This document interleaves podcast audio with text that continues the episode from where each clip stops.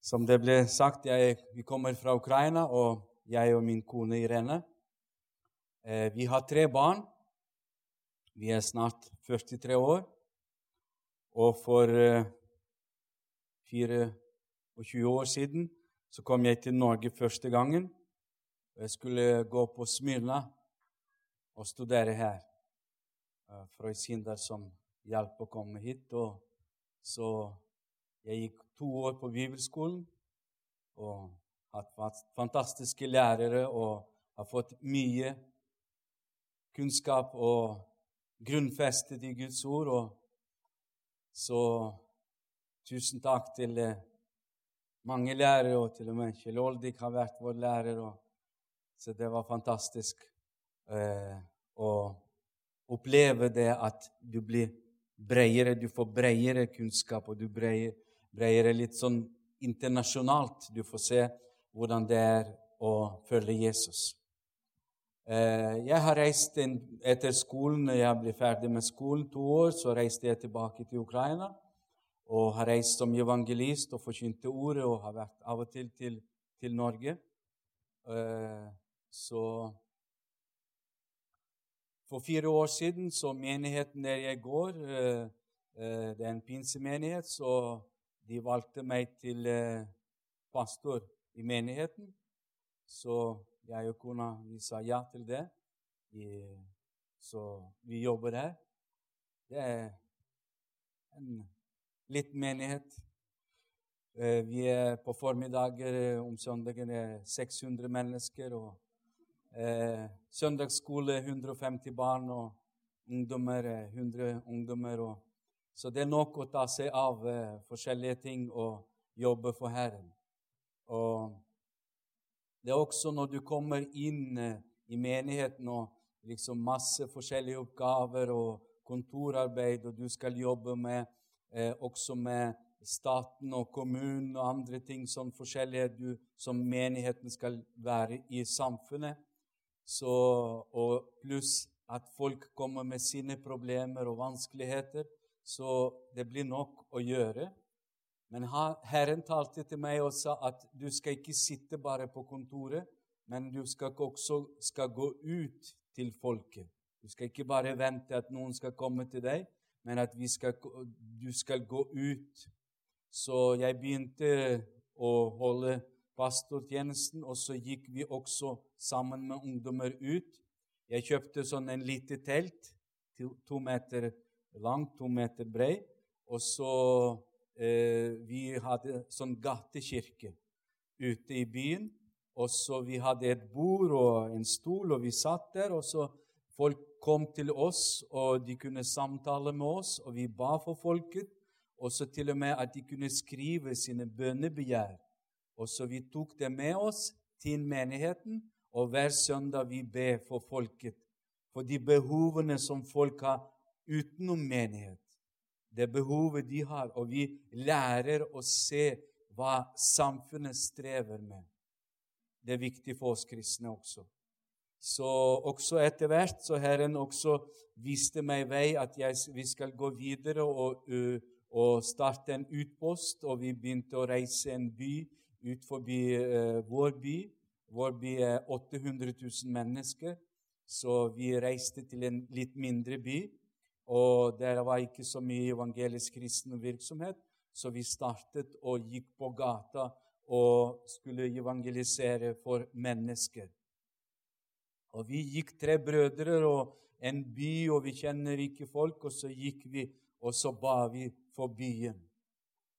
Og så gikk vi på gata, og gikk vi forbi en som uteligger, en mann som har, har ligget Eh, på betongen. Og så det var november, og det var kaldt.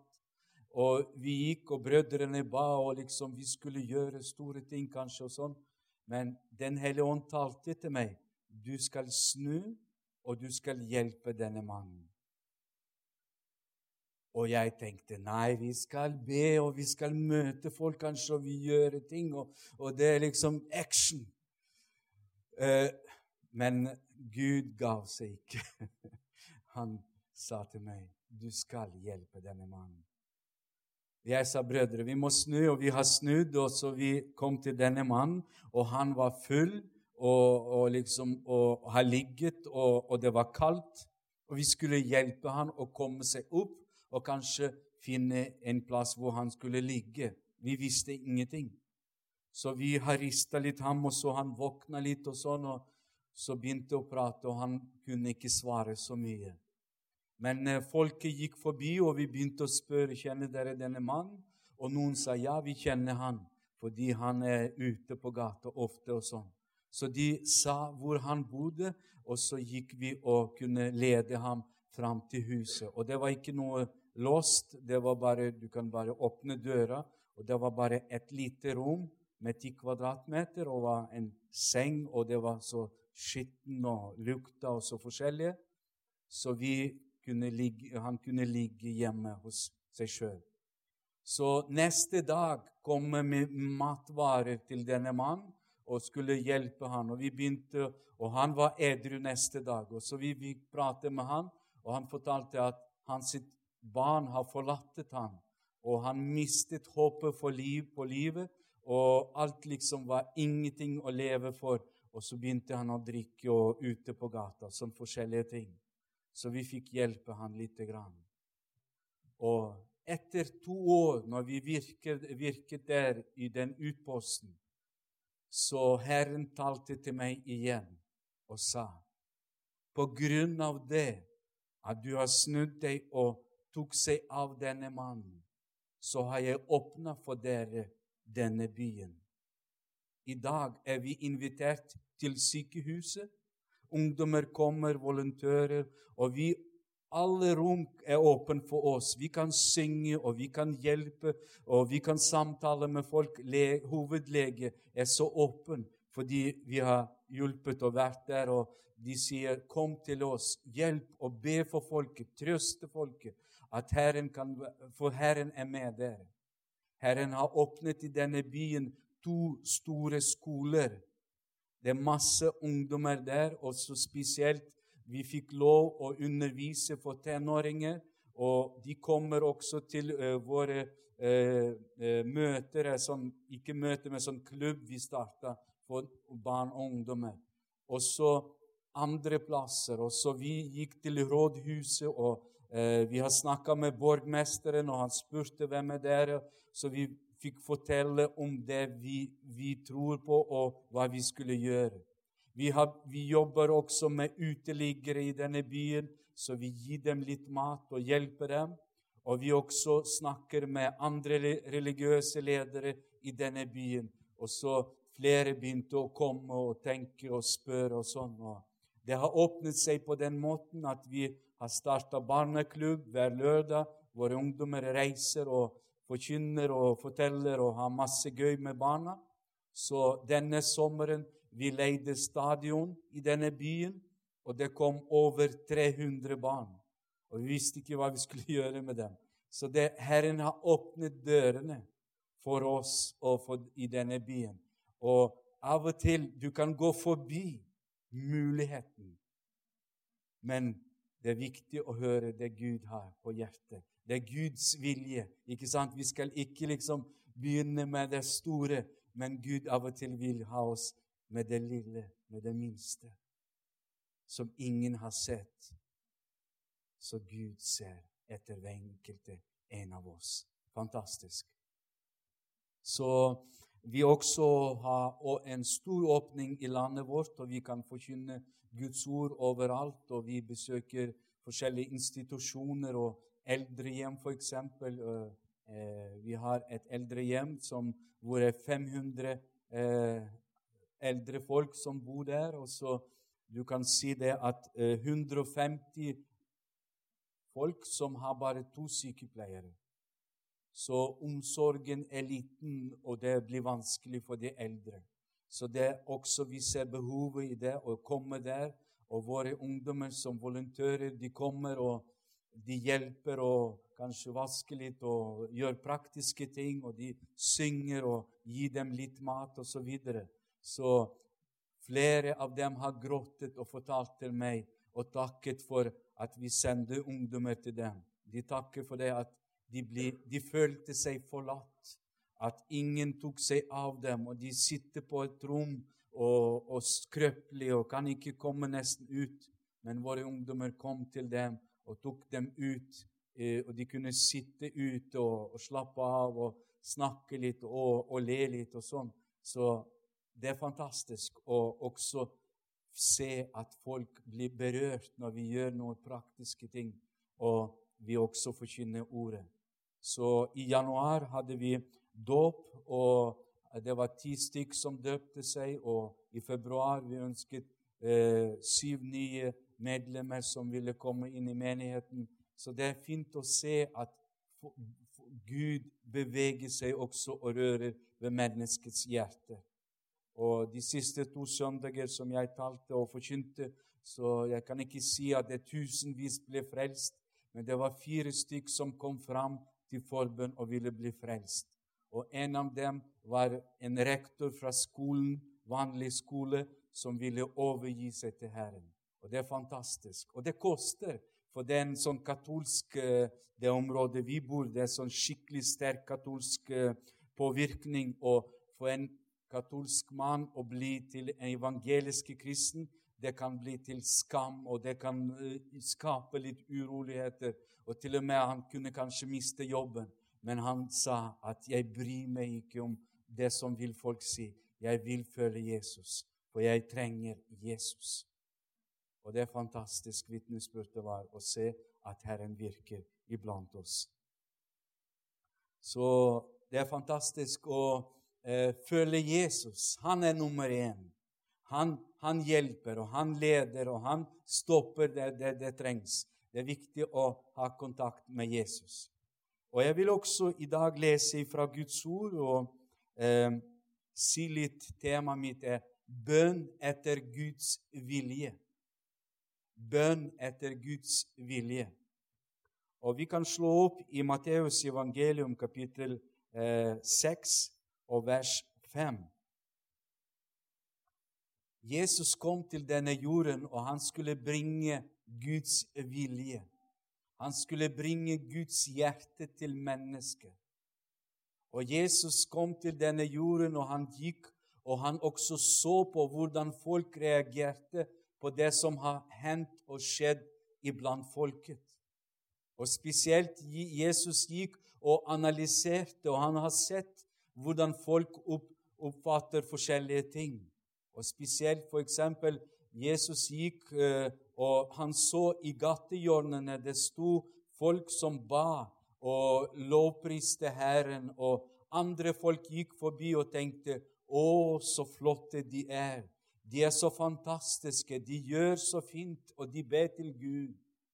Og de så det som et forbilde for disse sadukerene og fariseerne de har gjort disse tingene for å vise seg for folket at de kan be til Gud.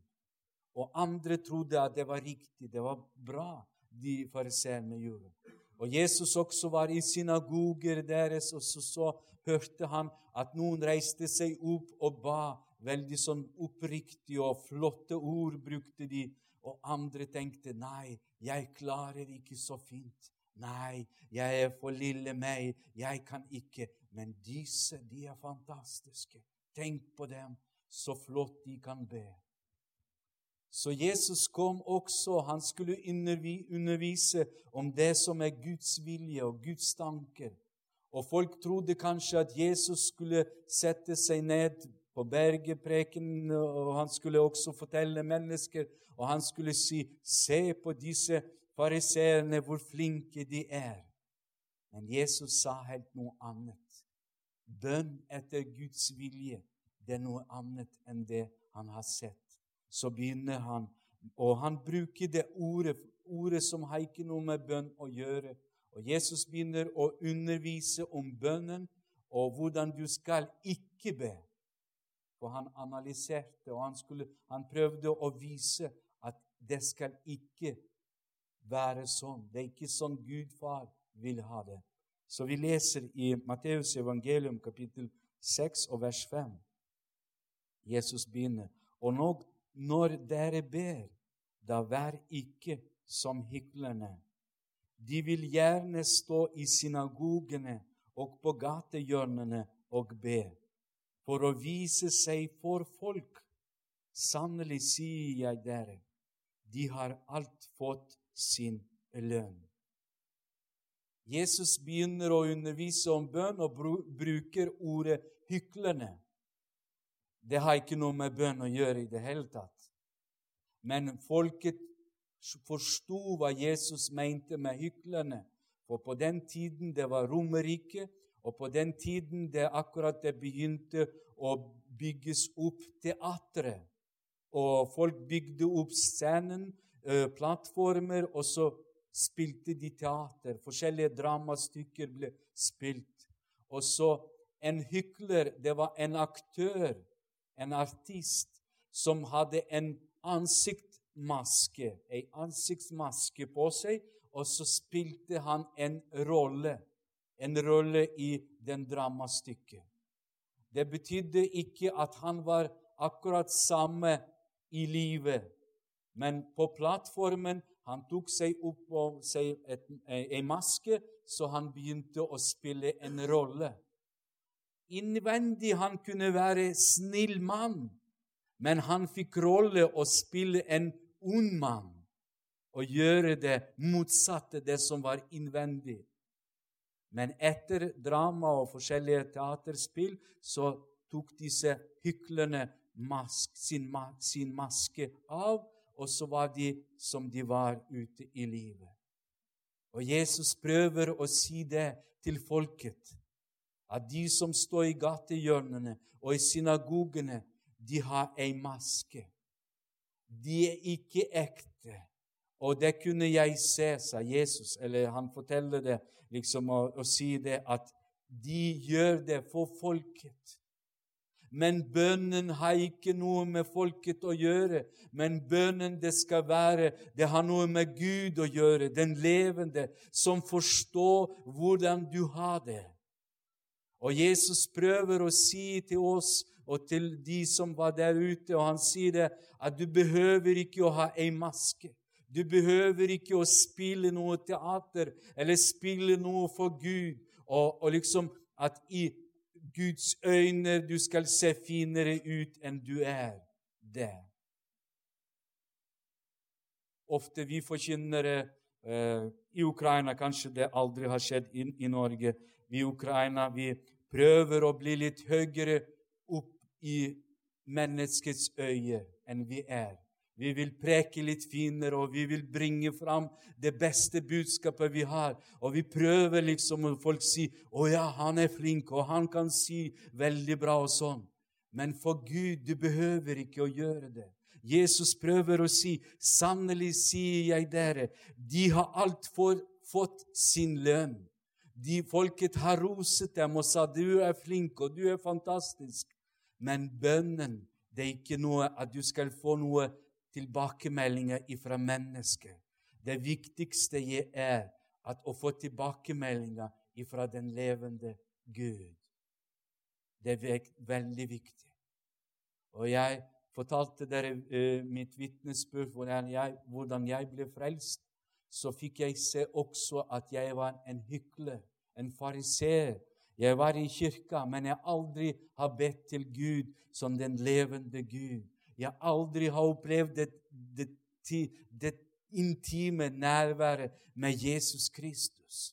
Jeg bare tenkte når det skal ta slutt, dette møtet med faren Fordi min far uh, han, den sånn skillevegg for, uh, i katolske kirker og ortodokse kirker. Så det er møtesal, og så skillevegg, og så presten jobber med sitt, og han liksom betjener folket. Og noen ganger han åpner porten og kommer ut til folket, synger der og sier noe der, og så går han igjen i det forhenget osv. Men min far noen ganger satte meg ut til folket, at jeg skulle stå sammen med folket for å vise hvor oppriktig vår familie var, hvor religiøse vi var. Og jeg måtte stå fra klokka åtte på morgenen til klokka fire på ettermiddagen og, og være i den gudstjenesten Og så hører det at vi ber for de døde og andre ting, og vi ber til Maria, og vi skal da, det, ditt og datt, videre. Men det var en plagsomt tid jeg hadde. Det var, det var veldig tungt å være der. Men jeg visste det at jeg måtte vise og prestere vår familie at vi er så oppriktige. Så jeg måtte korse meg så riktig og må stå så riktig og knelle og forskjellige ritualer og sånn så videre. Og folket de kom til møten, disse gudstjenester. Og så De så ikke på seg selv, men de så på en sønn til en prest.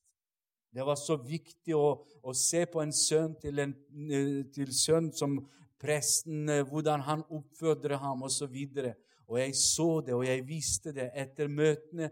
Så folk kom og sa 'Å, så fin du var', og 'så flott du har gjort det'. Men de visste ikke det, at om kveldene vi gikk med andre gutter og knuste deres vinduer og ødelagte ting og, og gjorde masse galskapsting osv. Så, videre. så jeg var lei av det. Når jeg møter Jesus, og det lyset fra himmelen, det rørte ved mitt indre, og jeg sa, 'Jesus, tilgi meg.' Jeg vil ikke spille noe bønn eller noe sånn be bare for folket og vise det.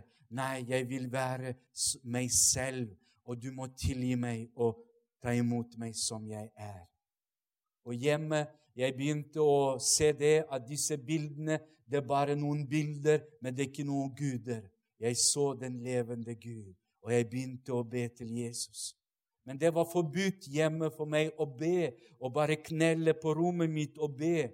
For min far kunne komme inn på rommet, og hvis jeg korser ikke meg, og hvis jeg gjør, gjør ikke de rette ritualer, så kunne jeg fått litt jul og sånn og videre. Så juling. Så, så jeg måtte gjemme meg noen ganger i hjemmet for å be, fordi om dagen jeg ville prise Jesus og være sammen med han. Som eh, damene snakka i dag om tilbedelse, lovsang, ikke sant? Å tilbe, det oversettes å fortelle. Og tilbedelse, det er en reaksjon.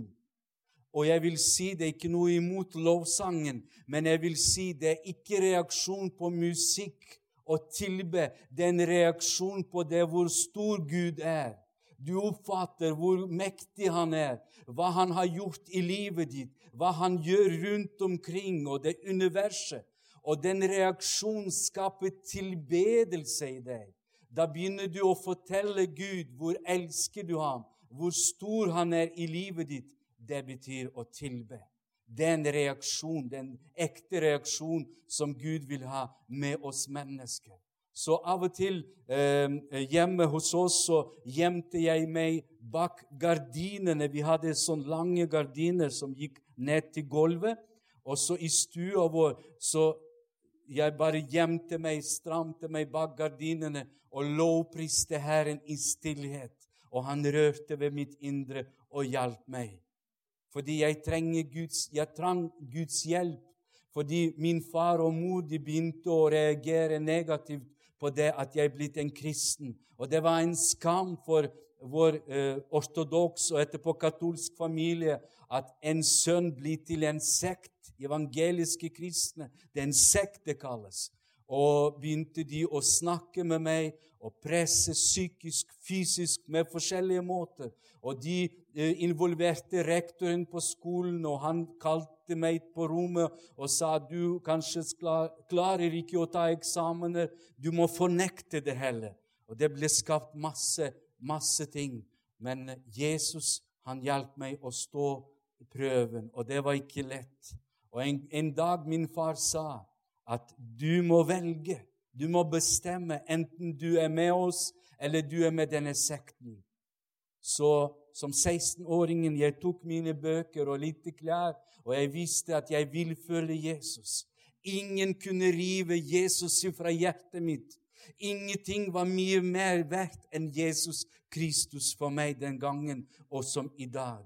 Og jeg tror i evigheten enda større. Vi får se enda mer av hans rikdommer. Så jeg gikk på skolen, og så jeg visste at mine foreldre bare kasta meg ut og ville ikke ha med meg å gjøre. Så jeg tenkte hva jeg skulle gjøre. Så min skolekamerat inviterte meg hjem, og jeg kunne bli der ute sammen i, i, i familien til kristne folket. Og menigheten var litt sånn skuffa at jeg ble kasta ut. Og brødrene sa vi må be til Herren at han må vende eh, foreldrenes hjerte til, til Volodja, at jeg skulle få komme tilbake hjem. Og de sa OK, vi skal be. Og da sa jeg OK, dere må bare be. Jeg tror ingenting på det. Det, det skjer ingenting, for det var så hardt. Og jeg vil ikke gå hjem. Men menigheten begynte å be. Og så etter to uker kommer min mor og sier det, at jeg får ikke fred og ro fordi du må komme hjem. Det er Noen spør meg om nettene hvor er din sønn, og hvor er din sønn? Og jeg har mista roen, og jeg kan ikke sove om nettene. Så jeg ble tilbake hjem. Og jeg var litt nervøs og litt uh, redd, for jeg tenkte at igjen skal de begynne med det samme. Men nei da. Min far sa 'velkommen, sønnen min, hjem'. Og det, de tok imot meg tilbake. Og, og jeg blitt igjen hjemme, og så tenkte jeg Gud, det er fantastisk at menigheten ber. Og jeg trodde ikke på det, men du har snudd hele situasjonen på hodet, og det var fantastisk å se. Og det var første mirakel jeg fikk se i livet mitt, at Jesus han er den levende Gud. Og han har med hjertene, med sinnelaget å gjøre. Han snur situasjonen i menneskets liv når de kommer til ham som han vil, etter hans vilje. Ikke med det at vi skal spille noe rolle, at vi skal vise og prestere noe. Nei, Jesus sier, 'Kom til meg som du er, og jeg skal hjelpe deg. Jeg skal trøste deg.' Så jeg fikk være sammen med min far, og, og det var eh, Etterpå jeg gikk på høyskole og ble til ungdomspastor og gikk videre. og så De trodde at kanskje jeg slutter med det, men du kan ikke slutte med Jesus. Du kan ikke slutte med kristen menighet, hvor menigheten og folk kommer sammen, og de har samme opplevelser med Jesus.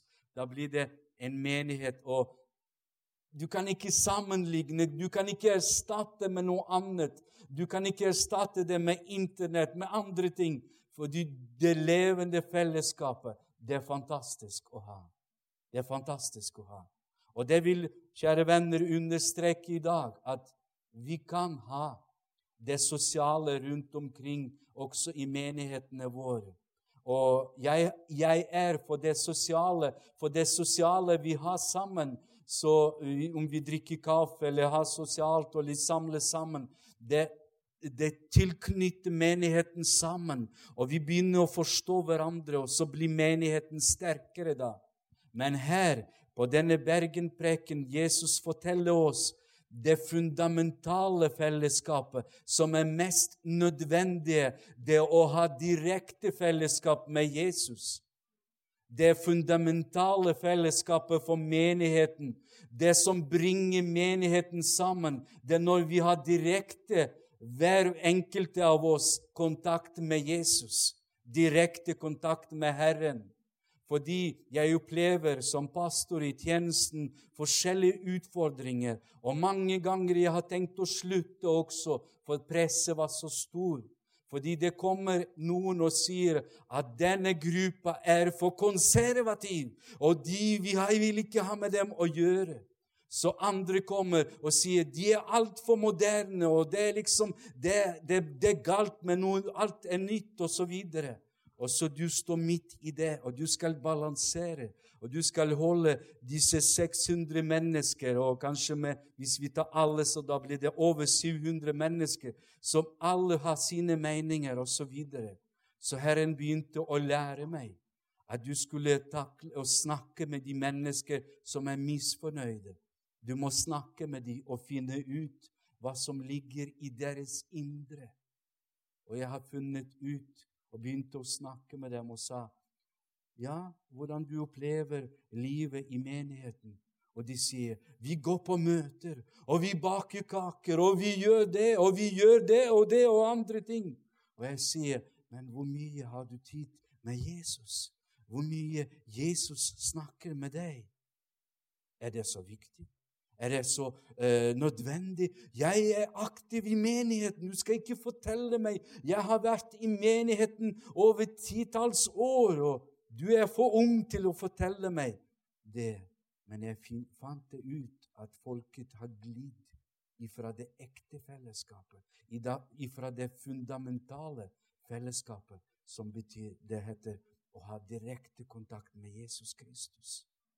Når du får det tilbake, når du fornyer det fellesskapet med Jesus i bønn, som Jesus sier at hvordan dere skal be Dere skal gå inn i lønnkammeret ditt og lukke igjen din dør.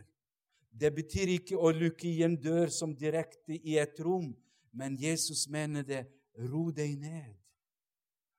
Gå inn i lønnkammeret ditt, ro deg ned, og begynn å tenke og bare prate med meg og snakke med meg direkte. Jeg vil snakke med deg ansikt til ansikt. Jeg vil se i dine øyne. Jeg vil være med deg. Guds ansikt, det betyr ikke at Gud er nær oss. Vi synger det i lovsanger, at Guds ansikt er vendt mot oss. Det symboliserer at Gud er iblant oss.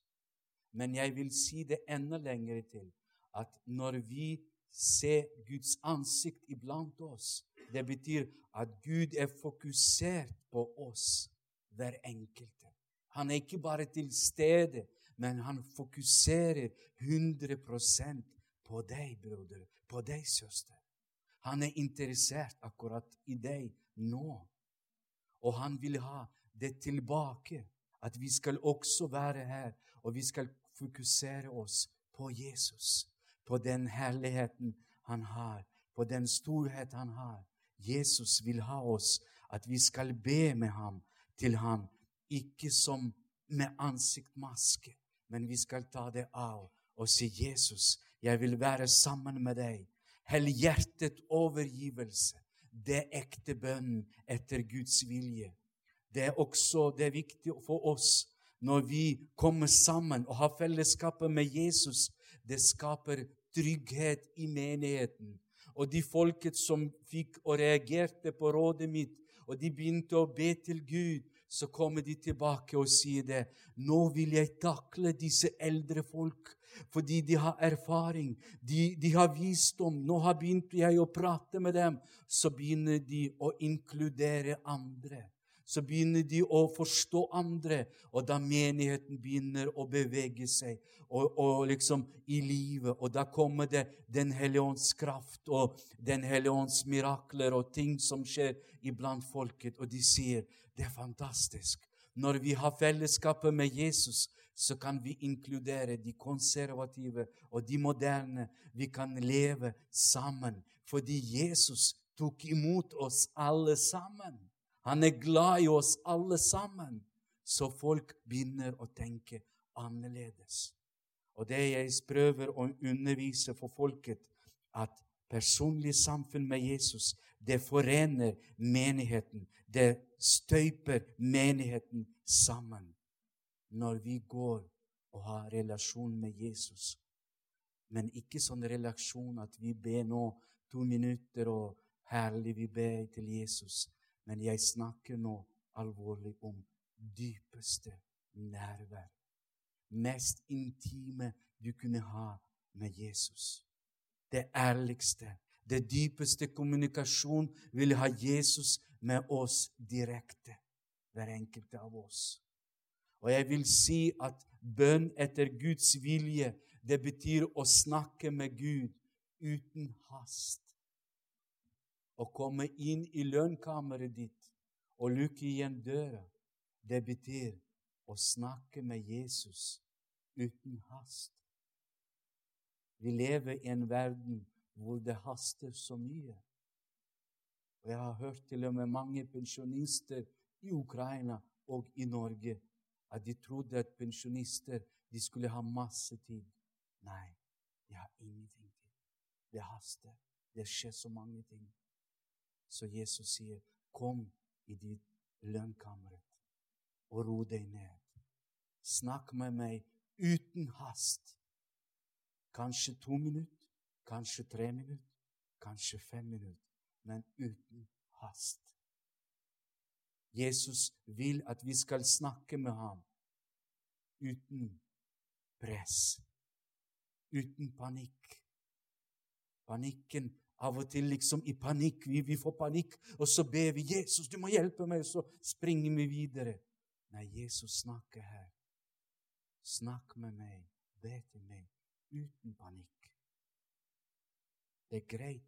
Gud hører når vi ber, når vi er i panikk.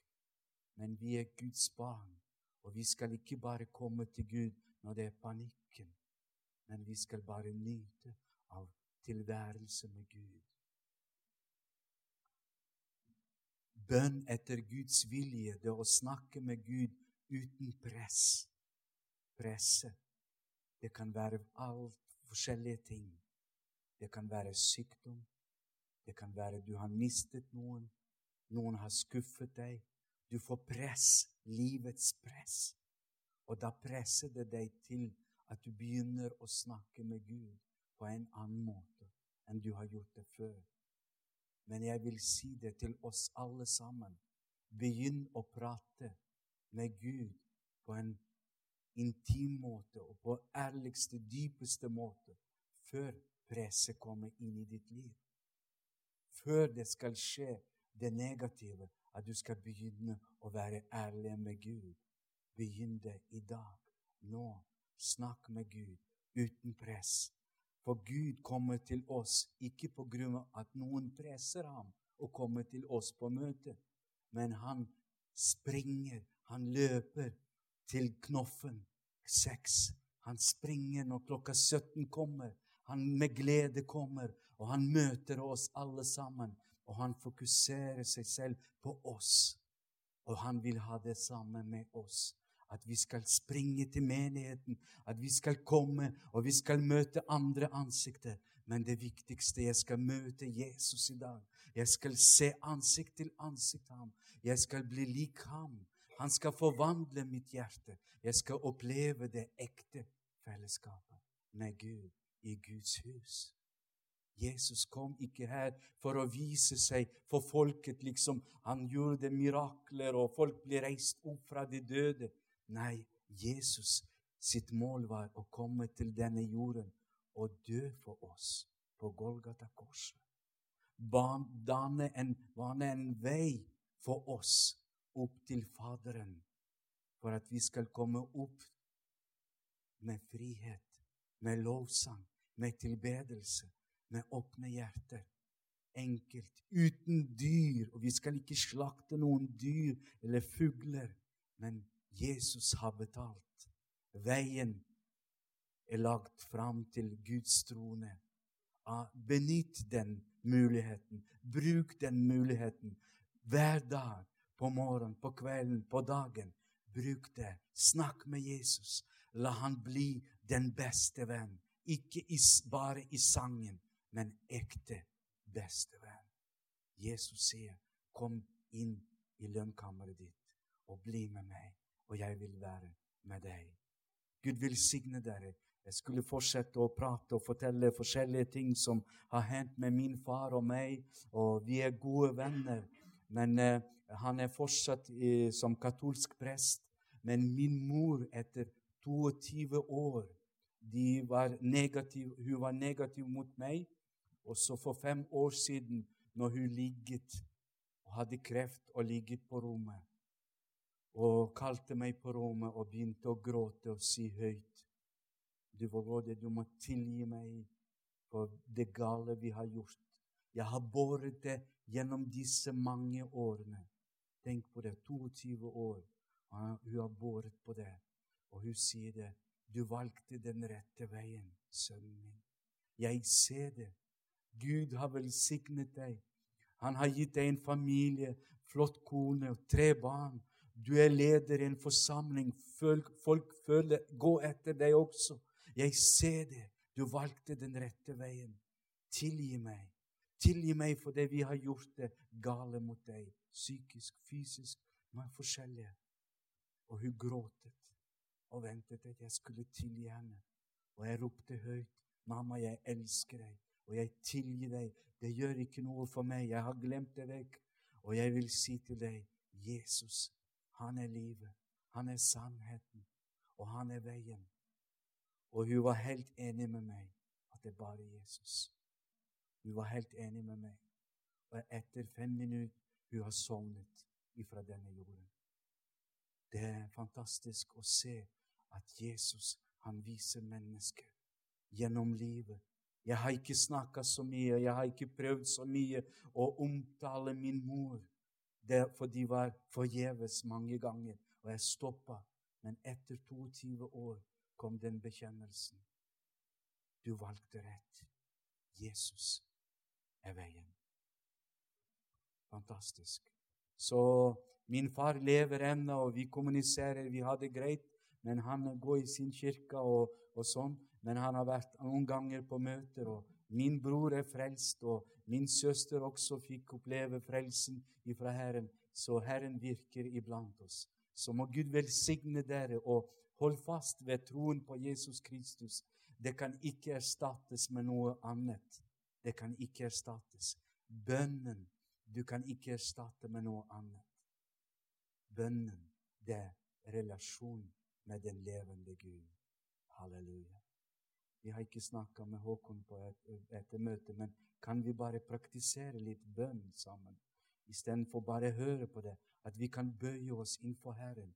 Og noen vil, hvis noen vil ha forbønn, og kanskje det er vanskelig å komme fram til Gud og Det er på lenge siden det blir sånn det tettere og reelle relasjoner med Jesus, så kan vi be sammen med brødrene for deg. Og Hvis ikke, så kan du sitte og lovprise Herren og nyte det fellesskapet vi har. Fordi Jesus har gjort det rett for oss at vi kan komme og løfte vår røst opp til himmelen. Og det går gjennom mange mil, gjennom mange mil til vår far, Gud far, og han hører det du sier. Og han hører dine tanker, og han forstår det du sier i dag. La oss bøye våre hoder og be til Herren. Halleluja, Jesus. Vi tilber deg, Jesus. Vi lover deg, Herre Jesus. Vi takker deg, Herre. Vi takker deg, du er midt iblant oss, Herre Jesus. Vi takker deg, Jesus, at du er den levende Gud. Det fins ikke noen andre navn som vi kan bli frelst ved. Du er den allmektige. Du er den ekte Gud. Halleluja. Du er ikke noe bilde, du er ikke en statue, men du er den levende som hører, svarer, ser og føler. Gud, vi takker deg. Takker deg, du er midt iblant oss. Halleluja.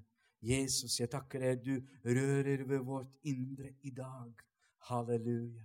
Du påpeker igjen, og du påminner oss igjen at du vil ha kommunikasjon med oss den ekte kommunikasjon, det ekte fellesskapet. Å, Jesus, rør ved oss alle. Å, Jesus, halleluja. Vi overgir oss til deg. Våre tanker. Vi vil ro oss ned, Herre Jesus, og snakke med deg disse noen minutter uten hast, uten prest. Jesus, å, halleluja. Priser deg, Jesus. Lover deg, Herre Jesus. Halleluja, halleluja, Jesus. Vi tilber deg, Jesus. Vi lover deg, Herre Jesus. Å, Jesus, jeg takker deg. Jeg takker deg, Jesus, Fader vår. Halleluja. Du er vår Far. Halleluja. Hellig er ditt navn. Halleluja. Vi vil opphøye ditt navn, Herre. Ikke noen andre navn, Herre Jesus. Men ditt navn er over alle navn. Halleluja. Å Herre, vi vil at din vilje skal skje i livet vårt. Halleluja. La ditt rike komme inn i inn vårt indre, Jesus. At vi skal glede og si at vi lever i ditt rike. Halleluja. At det, vi skal bære det inne i oss, Herre. Halleluja. Fordi du har bestemt det, Jesus, at det riket ditt skal være i det indre, i vårt indre. Halleluja. Å, vi gleder oss, Herre Jesus. Og vi priser deg, Jesus, for den freden du har gitt oss. Halleluja den gleden av den himmelske Jesus. Å, vi vil takke deg, Jesus, Halleluja. Du ser behovene våre, Jesus. Du ser til legemlig noen hvis noen sitter og har det plagsomt og vanskelig, Jesus. Jeg ber for dem, Jesus. Du må røre ved dem og helbrede. Ved dine sår, Jesus, har vi legedom. Halleluja, vi tilber deg, Jesus, og vi lover deg, Jesus. Og du ser hver enkelt en av oss, Jesus, som strever og kanskje har det tungt og vanskelig akkurat nå, eller har problemer og andre ting som stopper og presser Jesus. Jeg ber for dem. Rør ved dem, Jesus. Hjelp dem å få frihet. Frihet. Halleluja. Å, oh, shirikeramanama samdo gloria. Å, la ditt lys over dem, Jesus. Lys, lys over dem, Herre Jesus. La din salvelse strømme over dem, Jesus. Halleluja.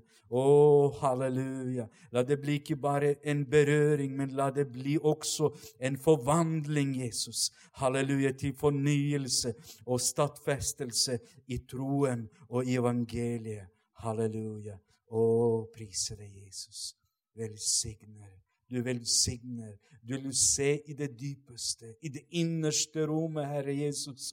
Og du forstår, Jesus, hva vi har gjemt noen ganger og ikke sagt til noen, noen andre.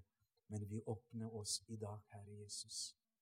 Og vi vil løfte det opp innenfor din åsyn, ditt åsyn, Jesus. Og vi vil si det, Jesus. Du forstår. Du kjenner til hjertene våre, til den situasjonen vi er du forstår, Herre. Kom og hjelp oss. Led oss ut av dette, for at vi kan få se mer lys av deg, Jesus. Vi priser deg, Jesus. Vi lover deg. Halleluja.